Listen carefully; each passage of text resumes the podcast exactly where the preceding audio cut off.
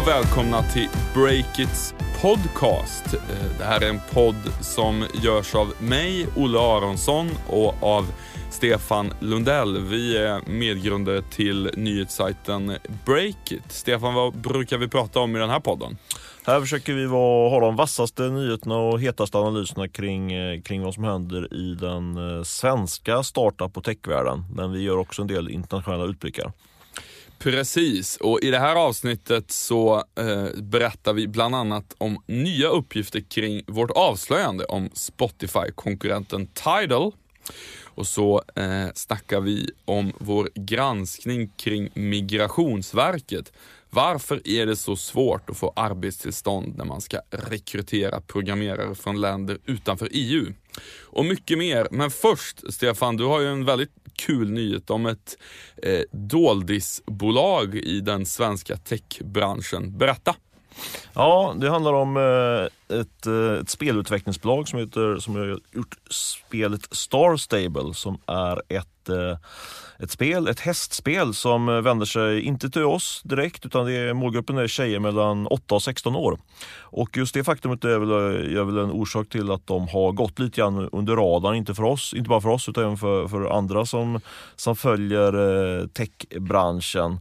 Men de går väldigt bra. Jag sprang på dem lite grann av en slump på, på det här nya coworking spacet heter det va, på Epicenter.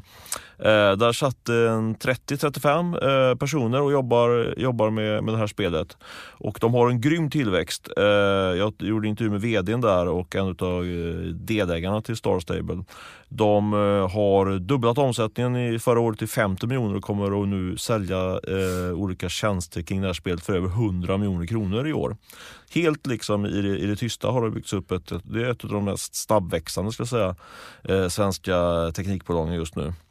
Och de har eh, 5 miljoner registrerade användare och ungefär 100 000 av dem eh, är så kallade plusanvändare. Så de, eh, de är de som pröjsar mest kan man säga. De betalar ungefär 80-100 spänn i, i månaden. Så det är ett spännande och en rätt kul story som vi kommer att skriva lite mer om på breakit.se här på fredagen om ni lyssnar på, på detta. Så ligger den ute också så ni kan ju ta del av den även under helgen, den artikeln. Jag blev lite nyfiken på när, när du berättade för mig om, om det där. Alltså vad, vad gör man egentligen i Star Stable? Eh, de säger själva att deras konkurrenter är framförallt eh, Minecraft. Eh, och det, då är det väl på temat att det är ett spel som liksom på något sätt aldrig tar slut. Man, kan, man rider runt i den här stora virtuella världen, eh, träffar andra människor som, eh, som har loggat in på, på sajten. Eh, och eh, ja, man rider runt på sina hästar och, och man kan köpa, köpa olika attiraljer till, till de här. Det är vad som i speltidningar brukar kallas för eh, den intressanta förkortningen MMORPG. Jaha, vad står det för? Ja, det, vad är det? Massive Multiplayer Online Role Playing Game, vill jag minnas. Ett rollspel där man är mängder av användare ränner runt i, i samma värld och, och träffar varandra. Ja men så är det och det finns ganska få sådana här spel för, i den här målgruppen då med, med unga tjejer.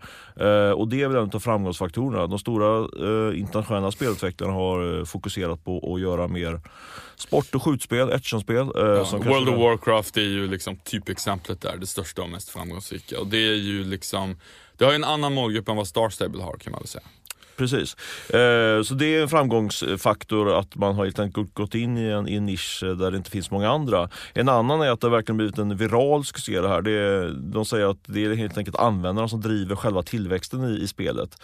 Eh, det finns många av användarna som är blivit som små egna mediehus. De har Youtube-kanaler som tar upp vad som händer i, i spelet. Eh, de bloggar och de eh, postar saker på Instagram. Ah, det påminner ju precis om Minecraft. Så är det ju verkligen med det. Det, är så, det, det känns nästan som att Youtube-video, genren Minecraft är nästan större än själva spelet. Ja faktiskt, det är många som sitter och tittar på när andra spelar där. Och eh, det finns ytterligare en liten nyhet kopplat till Star Stable. De har nämligen fått in eh, nytt kapital och de har fått det från en eh, riktigt tungviktare i, i, eh, i eh, affärslivet får man säga. Det är Pant Capital som var en av en de mest framgångsrika, eh, vad ska man kalla dem, eh, ja, Nej, de kallas ju för hedgefondspelare. Va? De tjänar omutligt mycket pengar på, um, ohemutligt säger man kanske, mycket pengar på, på datadriven aktiehandel.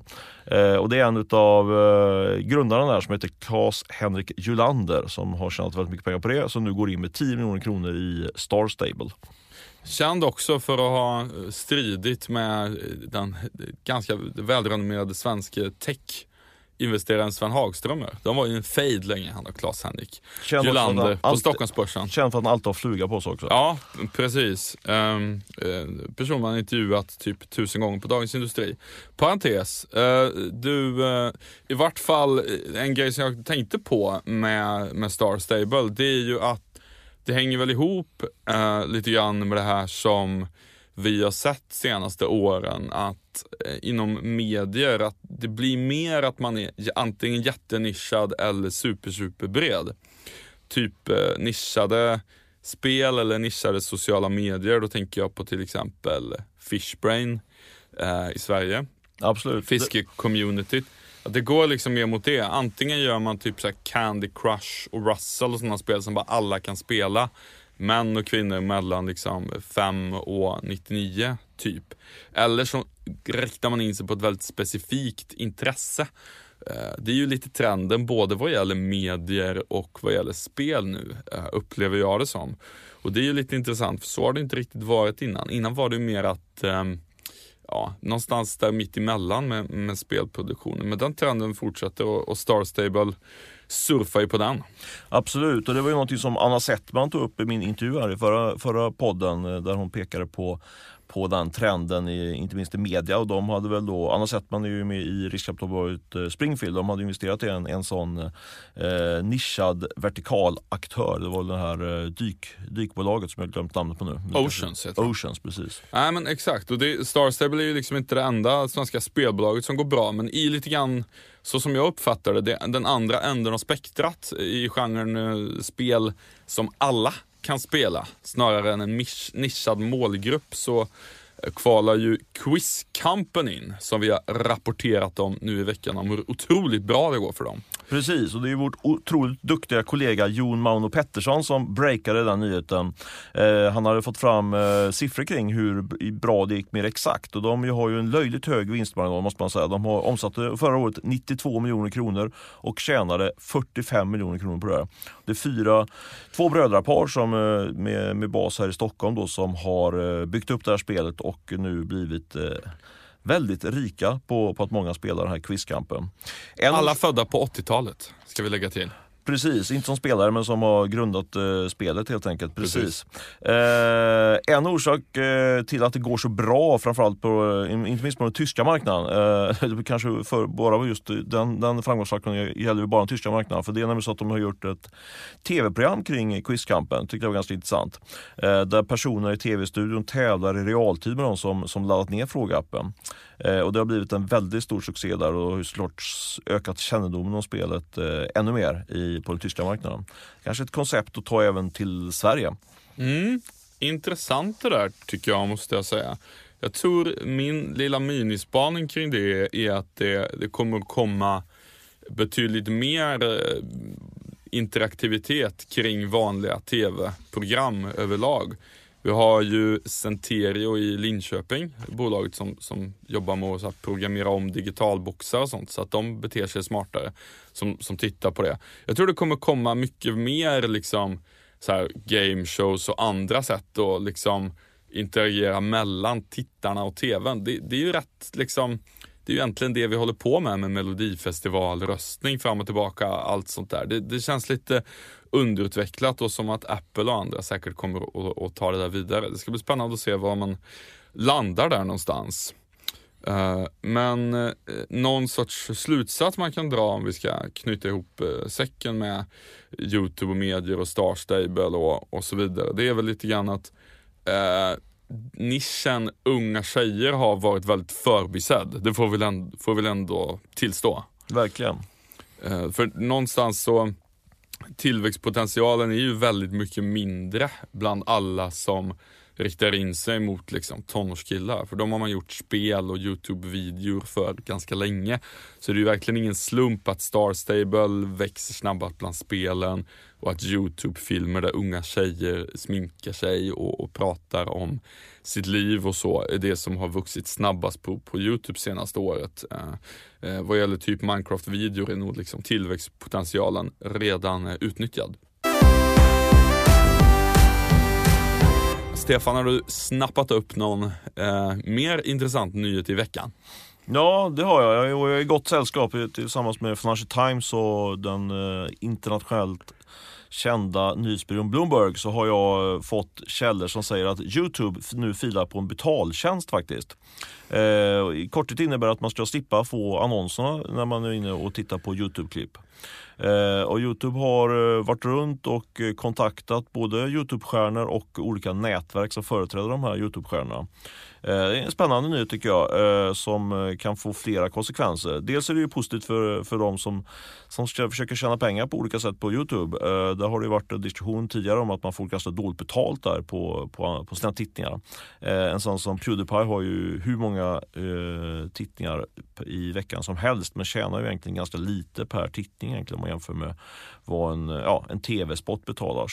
Så Youtube-stjärnorna kommer få mer betalt. Eh, och Sen är det också ett intressant sätt, eh, där man ser ju att eh, Youtube på det här sättet möter konkurrensen från från nya aktörer som till exempel Vessel som är som en eh, ny spelare i det här segmentet. Men jag tror att det krävs, och det säger väl framförallt de jag pratar med, att det krävs att man adderar till exklusivt innehåll också i den här, eh, i den här premiumtjänsten. Det räcker inte bara att man eh, blockerar annonser för det kan man göra på, på annan teknisk väg redan.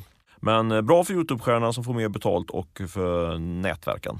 Intressant tillägg där är ju, det, det tror jag en hel del personer har missat. Wall Street Journal avslöjade ju för, vad kan det vara, ett par veckor sedan, att Youtube fortfarande går med förlust.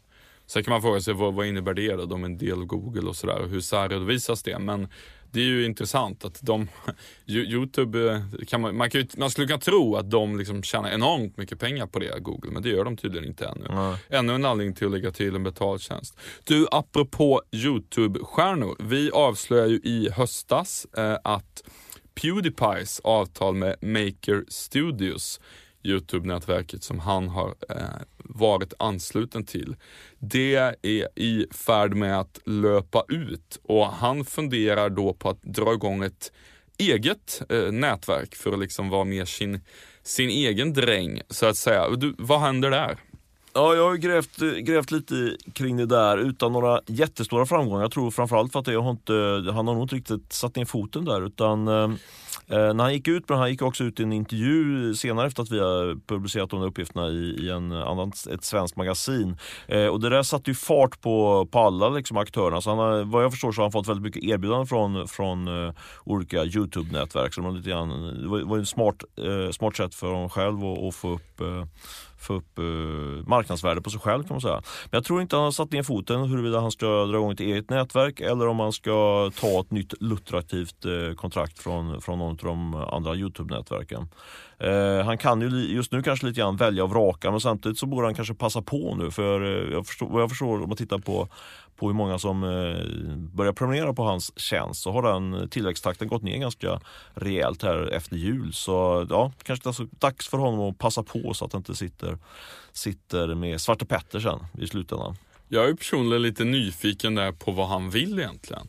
Alltså i hur många år är det kul att sitta och göra såna här gamingvideor? Det I någon mening så borde han ju kanske, precis som när ett band liksom släpper tredje skivan, börjar variera sig, borde väl han vara sugen på att göra något som är i vart fall lite annorlunda kan ju vara så, men är, man kan ju vända på det. Hur kul är det att göra en tech-sajt år ut och år in? Så det, det, det är väl vad man är intresserad av, jag vet inte. Men eh, jag, tror, jag tror inte heller att han är en eh, affärsman med stort A heller riktigt, utan han går väl ganska mycket på, på lust. Säger jag utan att ha träffat honom. Jag pratar med folk som, som har rätt mycket kontakt med honom. Eh, vi får se. Eh, Olle, fler nyheter att rapportera om? Ja, det gör jag gärna. Jag tycker ju, apropå din fråga, att det är väldigt roligt att eh, syssla med tech-sajt och göra technyheter. Så jag ja. rapporterar vidare. Eh, jag läste igår eh, kastade mig över faktiskt. Så det är riktigt härligt när man ser ett medieinnehåll som man är så sugen på. Det var den första recensionen av Apple Watch. Eh, man undrar ju givetvis Det är, typ halva tiden man läser artikeln undrar man hur de har fått tag på klockan. Det är alltså Recodes prylreportrar Lauren Good och Bonnie Shaw. De har båda burit runt på den i en vecka. Men har de inte bara fått den helt enkelt? Extra? Jo, det, det är klart att de har fått den av Apple, men man undrar ju liksom hur det där går till. Att Techcrunch har till exempel, som ju är liksom väldigt större än Recode egentligen. De har ju inte fått den. Alltså vad är, hur, hur går det där till? Jag tänker med urvalskriterierna för vilka reportrar Ja men det, det känns ju liksom som en otroligt hård det, det, Och varför fick inte Breakits reportrar? 2x Precis, och jag har ju försökt det där. Det, det, det är ju liksom, det, jag hade väl inte jättestora förhoppningar om att vi skulle få det först. Men som journalist är man lite nyfiken på hur liksom Apple tänker när de bara sitter där som någon sorts gudavarelse över så ska pricka vi- vilka ska få det här först. Sådär. Eh, Det hade man ju inte tackat nej till. Men om vi återgår till eh, sakfrågan mer konkret så man kan väl säga att eh, Lauren Goods recension av hur själva klockan, hårdvaran funkar, den var överlag positiv. Bästa smartklockan hittills. Eh, men den är liksom inte revolutionerande utan mer som en förlängning av mobilen. Det tyckte jag var en ganska bra formulering. Ehm, några kul eh, grejer som jag inte hade tagit del av tidigare, som klockan tydligen gör, det är att om man har suttit för länge, då vibrerar den för att påminna en om att ställa sig upp. Alltså nu behöver du ställa dig upp och sträcka lite på dig. Nu har du varit i samma arbetsställning. Eh, det tyckte jag var lite intressant. Eh, en annan grej är att man kan, om man kör bil med Apple Watch, så kan klockan lite grann som en sån här kartläsare i rally vibrera när det är en sväng på gång. Det var också lite intressant hur liksom det skulle kunna påverka trafikolyckor och så. Att man, eh, att man har, att klockan reagerar på det. Jag hade inte tänkt på tidigare. Eh, tydligen väldigt bra ljud om man pratar i telefon med klockan. Och sitta sådär, det känns lite James Bondigt och sådär, nästan lite lalligt och sitta och prata in, in i sin klocka som om man vore någon sorts hemlig agent liksom. Men, men tydligen är det superbra ljud, att folk inte ens hörde skillnaden mellan klocka och mobil. Så det kommer också vara en grej. Då behöver man ju faktiskt inte plocka upp mobilen ur fickan. Det kanske kommer vara så att alla nere på Stureplan nu om några månader så står folk och pratar in i sina klockor istället som statussymboler. Eh, Det och- tror jag faktiskt nästan inte underskattar den statusdelen. i synnerhet, det, för det var liksom en, grej, en sales pitch för Apple jag tänkte på. Och man ska sälja in klockorna till massa såna här, ja men vet, managementkonsulter, alltså massa företag. Att folk går runt med kostym och en Apple Watch och pratar in i klockan. Det, det tror jag liksom kan bli en grej sådär. Just det. Eh, och, och sen slog det mig också eh, när jag läste recensionen, det sista som jag verkligen tyckte var intressant att nämna, det är att det, den stora svagheten har ju sagts vara då batteriet. Men faktum är att det är inte klockan som dör, utan det är mobilen som dör före klockan. För att mobilen tjänar alltså som, som klockans internet. Klockan har inget eget GPS och sådär, utan den lånar det av mobilen. liksom. Och, och då leder det till att det drar väldigt mycket på batteriet på mobilen. Snarare, för den är också på, men blir mer påfrestad. Så det är den som dör före klockan. Och då hamnar de i lite osynk där. Det ska bli intressant att se hur man liksom kan hantera det här på något sätt. Och det, ja, eh, det, det får man ju se. Där måste man ju nästan testa den själv ett tag för att uppleva hur stort problem man tycker att det är.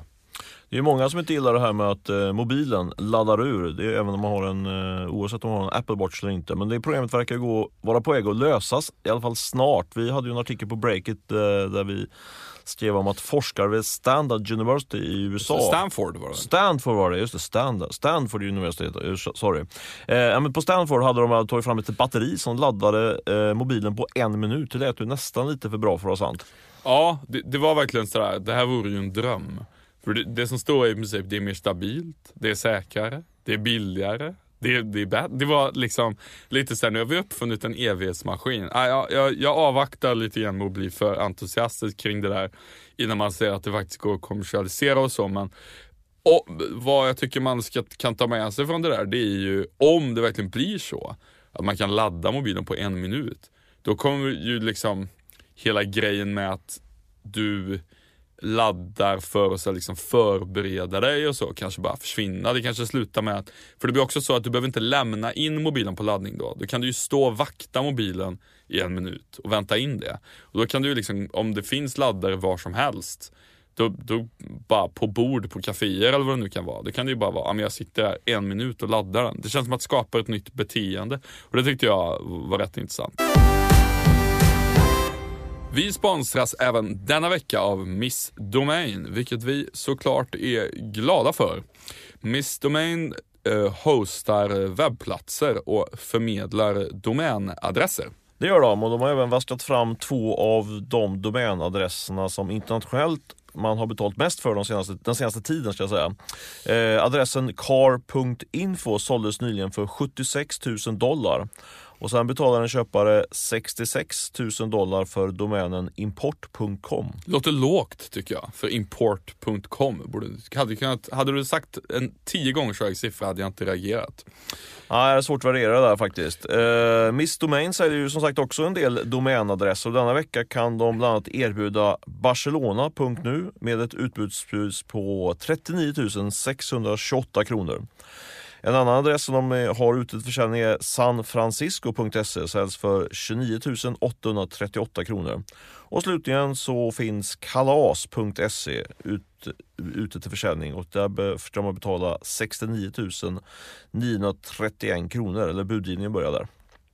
Det var allt från vår sponsor Miss Domain eh, denna vecka. Tack Miss Domain!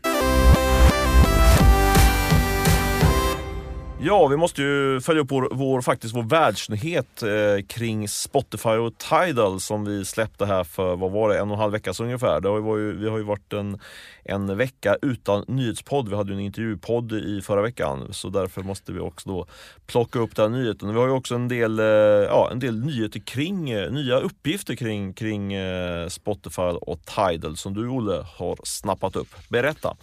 Ja, eh, det vi, vi kan väl ge lite, lite bakgrund då så att alla hänger med. Eh, ni har ju redan hört grundstoryn men vi avslöjade då först det här med att ett gäng stora stjärnor, bland annat Madonna och Kanye West, eh, skulle komma in som delägare och ansluta sig till Tidal och släppa sin musik där först istället för på Spotify.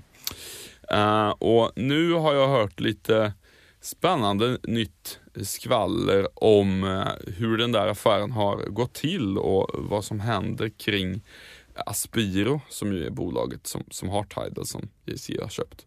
Eh, bland annat då ska det vara så att enligt uppgift så eh, fanns det en viss upprördhet på eh, Aspiro kring att JC personligen inte eh, ens hade ringt upp och pratat med ledningen där innan han gick ut med sin plan för Tidal.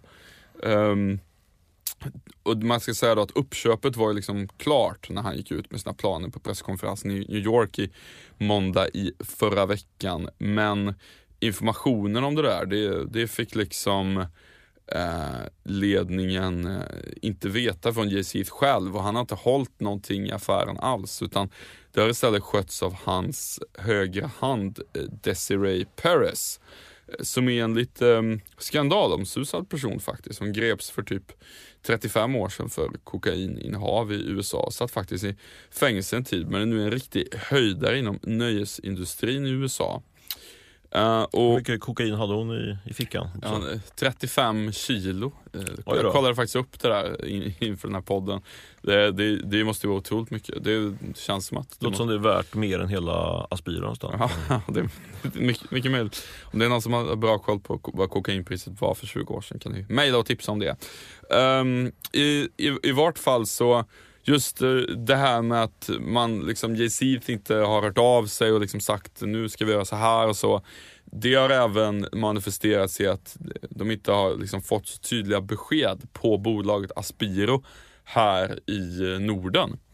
Och Aspiro, det är, vad är det? Det är Stockholm, Malmö de framförallt håller Ja, precis. Och eh, de anställda ska tydligen ha upplevt att de har varit i eh, en sorts limbo ända sedan den här budsituationen kom eh, egentligen.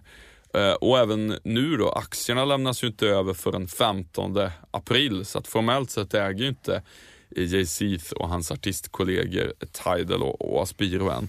Så även, då, även Aspiro-aktien var lite grann limbo, eller rusade väl dagen efter och sen så försvann det, gick ner igen. Det var väldigt turbulent på, på aktiemarknaden också. Ja. Som på något sätt övertolkade den här nyheten och, och eh, så att, jag tror, hur många procent gick det upp med? Tusen procent? Ja, det var ju något helt sjukt. Det var en helt sjuk rusning i Aspiro-aktien trots att liksom budkursen är ju satt till en viss nivå. Alltså det, det var ju inte aktuellt med någon budhöjning men det var väl folk som inte förstod det och ändå handlade aktien eh, handlade upp aktien väldigt mycket. Väldigt märkligt. Men som sagt för de anställda, man kan ju tänka sig att det är en lite knivig situation. Att bolaget är liksom under bud och man vet att det kommer in en ny huvudägare som inte liksom har varit så jättetydlig med sina intentioner. Och ja, vad, vad, ska hända med dem? Liksom? Vad, vad ska de syssla med för vidareutveckling? Det är nog inte helt lätt att vara i en sån limbo-situation. Jag tänkte följa upp där och se lite vad som händer kring det där. Det följer vi med spänning. Jag har eh, också grävt lite grann kring, eh, kring turerna efter det här avslöjandet eh, kring Tidal och fokuserat på hur det här påverkar Spotify. Uh, jag, min slutsats av det där är egentligen att det, det, är, en, det är väl en, en, en, eh, en, sak att notera, men den stora poängen är ju egentligen, är ju, det stora hotet på Spotify, det är ju Apples lansering här under sommaren av sin musiktjänst tillsammans med, med Beats.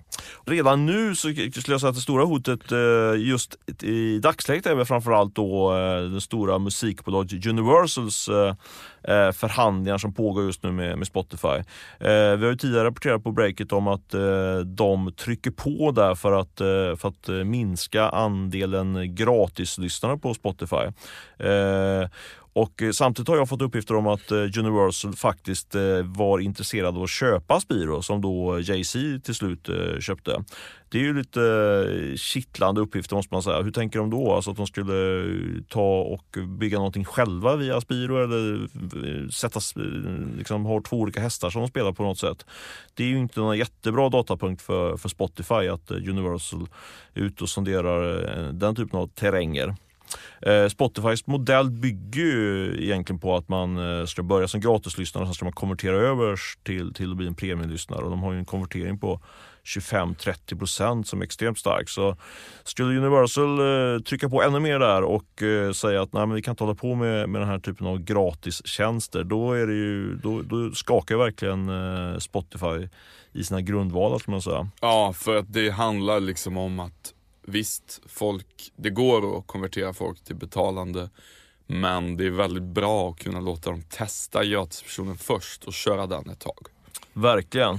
Eh, ytterligare en, en, aspekt på det här är ju att eh, Spotify är ute och tar in nya pengar, en halv miljard dollar står de in ju. Eh, för det är ju, trots att Spotify är en stor succé så är det ett bolag som blöder kraftigt ekonomiskt fortfarande. Eh, och man kan ju tänka sig att när det dyker upp sådana här nyheter, eh, dels kring Tidal men också den här som jag tror är ännu viktigare då, Universal-uppgifterna. Då tror jag att det kan bli svårare att få in pengar helt enkelt. Framförallt till, till den, de värderingar som de hoppas få. Det har ju pratats om 7-8 miljarder dollar att hela bolaget skulle värderas till det. Eh, så det, det är lite svettigt tror jag för, för Daniel Ek och Martin Lorentzon, grundarna till Spotify. Men jag tror att det kokar ner till att Universal vill ha en större ägarandel. Jag, tror, jag menar, Spotify är, ju ändå ett väldigt framgångsrikt koncept så jag tror inte att det, det är så att de kommer att stänga ner det där utan de, har, de äger fortfarande en, en, stor, en, en del av Spotify men de kanske vill öka sin ägarandel ytterligare. Mm, det ska bli otroligt intressant att se vad som händer nu närmaste månaderna. Vi har ju, ja, Tidal ska försöka marknadsföra sig bredare och sen så ska Apple förmodligen i juni släppa sin nya musiktjänst. Spotify ska ta in pengar och så vidare. Mycket som avgörs sådär närmaste, närmaste månaderna tror jag. Ja, det där ska vi hålla koll på och rapportera om så gott vi kan. Mm. Vi har ju eh, publicerat vår första del i en helt annan del av vår eh, journalistik här nu på morgonen. Um, tänkte vi kan prata lite grann om det. Det handlar ju om krånglet med att eh, få arbetstillstånd av Migrationsverket när man rekryterar programmerare från länder utanför EU. Jag pratade ju tidigare i eh, podden om eh, det där och, och bad folk komma in med, med tips om hur de har upplevt eh, att det är när man försöker göra det där och, och plocka in utvecklare. Som det är ju i brist på i, i Sverige. Och det där har ju verkligen, eh, vi har ju gjort lite olika ut, upprop i podden och även på andra håll och kanter. Och det, och det är ju, ibland så är det ingen, ingen som hör av sig och ibland är det många som hör av sig. I det här fallet är det väldigt många som har hört av sig. Så det är en indikator på att det är något som verkligen berör eh, folk i branschen. Ja, verkligen. Och det, jag kommer att tänka på ett citat faktiskt från en, en journalistkollega till oss eh, Andreas Cervenka tror jag det var som uttryckte det så när han pratade om deras granskning av hygienbolaget SCA att eh, att prata med källorna var lite som att hålla en boll under ytan och släppa den. Ni vet att den brop, åker upp. Och jag har haft precis den känslan när jag pratat med folk om det här. Att det är verkligen, proppen går ur och sen maler folk på och pratar oavbrutet i 15 minuter om hur arga och frustrerade de är och tycker det är skönt att prata av sig faktiskt om det. Varför är de arga? Äh, vad det handlar om då, äh, det är att när man ska rekrytera någon från eh, utanför EU eller EES, som är den här lite förlängningen av den, den, den öppna eh, marknaden i Europa, då eh, gäller det speciella regler. Det är liksom inte så att, som det är inom då EU, att man har fri rörlighet och kan rekrytera lite som man vill, utan man måste motivera på olika sätt. att eh, Varför får ni, ska ni få rekrytera den här personen?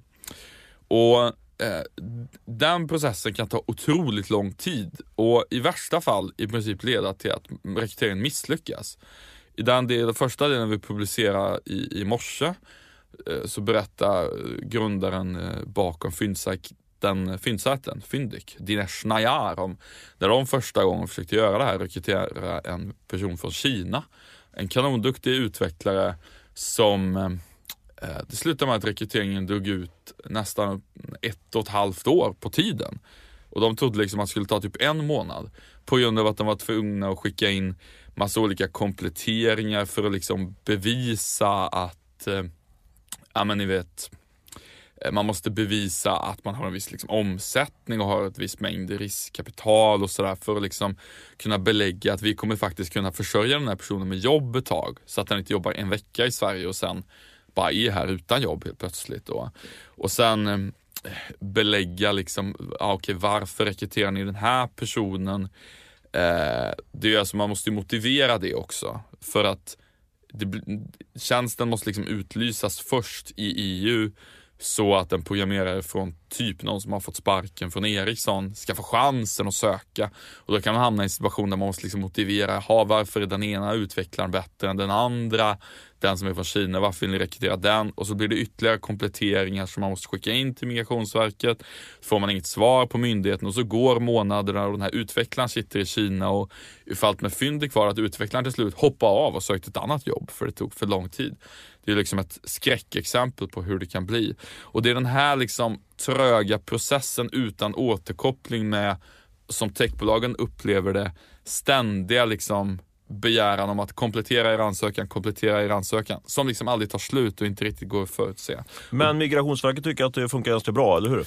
Migrationsverket eh, tycker ju att det fungerar eh, eh, liksom eh, bra, åtminstone bättre än vad det har fungerat förr. Och de säger att de känner inte alls igen sig i den här bilden och menar mer att liksom Ja men det här går ju fort om man skickar in allting rätt från början. Och du som har tittat på det, vad, vad är din liksom, du försöker på, sätta på vara hyggligt eh, objektiv? Du har ju tagit in båda delarna, vad skulle du säga? Ja, jag skulle säga att eh, Migrationsverket har liksom, de, de har ju bara rätt i den meningen att det går snabbt om man inte behöver komplettera ansökan massa. Och det behöver man nästan alltid. Ja, men om vi tar som liksom, Truecaller gav mig ett exempel som, som jag tyckte det var ganska tydligt. Att liksom, man måste till exempel skicka in ett bevis på att man har varit ute med en jobbannons. För att visa att folk i EU har fått chansen att söka. Och då, liksom, då har de skickat in det en första gång. Men då är det tydligen så att liksom eh, Migrationsverket hörde av sig och begärde, nej men ni måste skicka in en pappersvariant av den här, ansök av den här eh, jobbannonsen. Mm. Och det har de aldrig begärt tidigare. Så att hur ska Truecaller kunna veta det? Alltså är du med? Men Den alltså, typen om, av om jag förenklar så menar du så här att eh, om man gör precis som man ska göra, då går det fort. Men det går inte att göra precis som man ska göra. Nej, men det, att, det eh, finns inte tillräckligt för alla techbolagen, alla jag pratar med vittnar om att förutsägbarheten är liksom inte tillräcklig. Så man kan aldrig göra det helt rätt från början.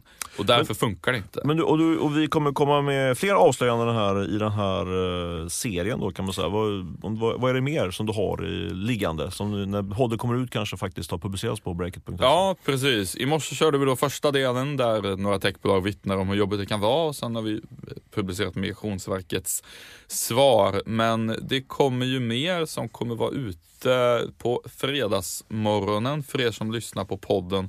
Då bland annat ett väldigt, eh, bland annat kommer vi att berätta om att det finns en möjlighet att köpa sig före i kön till eh, ja, att få arbetstillstånd mycket snabbare för den som har råd att betala för en så kallad certifierad process. Något som många är ganska upprörda över att det funkar så. Så istället för att det tar 12 till 15 månader så kan det gå på hur många veckor? En månad, En månad. om man har möjlighet att liksom betala för såna här certifierade ansökningar. Det tycker jag själv eh, är faktiskt mest upprörande den här granskningen. Att man, eh, visst, det är inte jättemycket pengar, är- men det är ett par tiotusenlappar om det nu finns den valören fortfarande i Sverige. Men det, det, det är ändå just att man, att man kan köpa sig helt enkelt. Det tycker jag är verkligen är väldigt märkligt måste jag säga. Ja, precis. Och det var nog inte tänkt från början att det skulle bli så. Men eftersom det är så krångligt med de vanliga ansökningarna har det liksom blivit så i praktiken.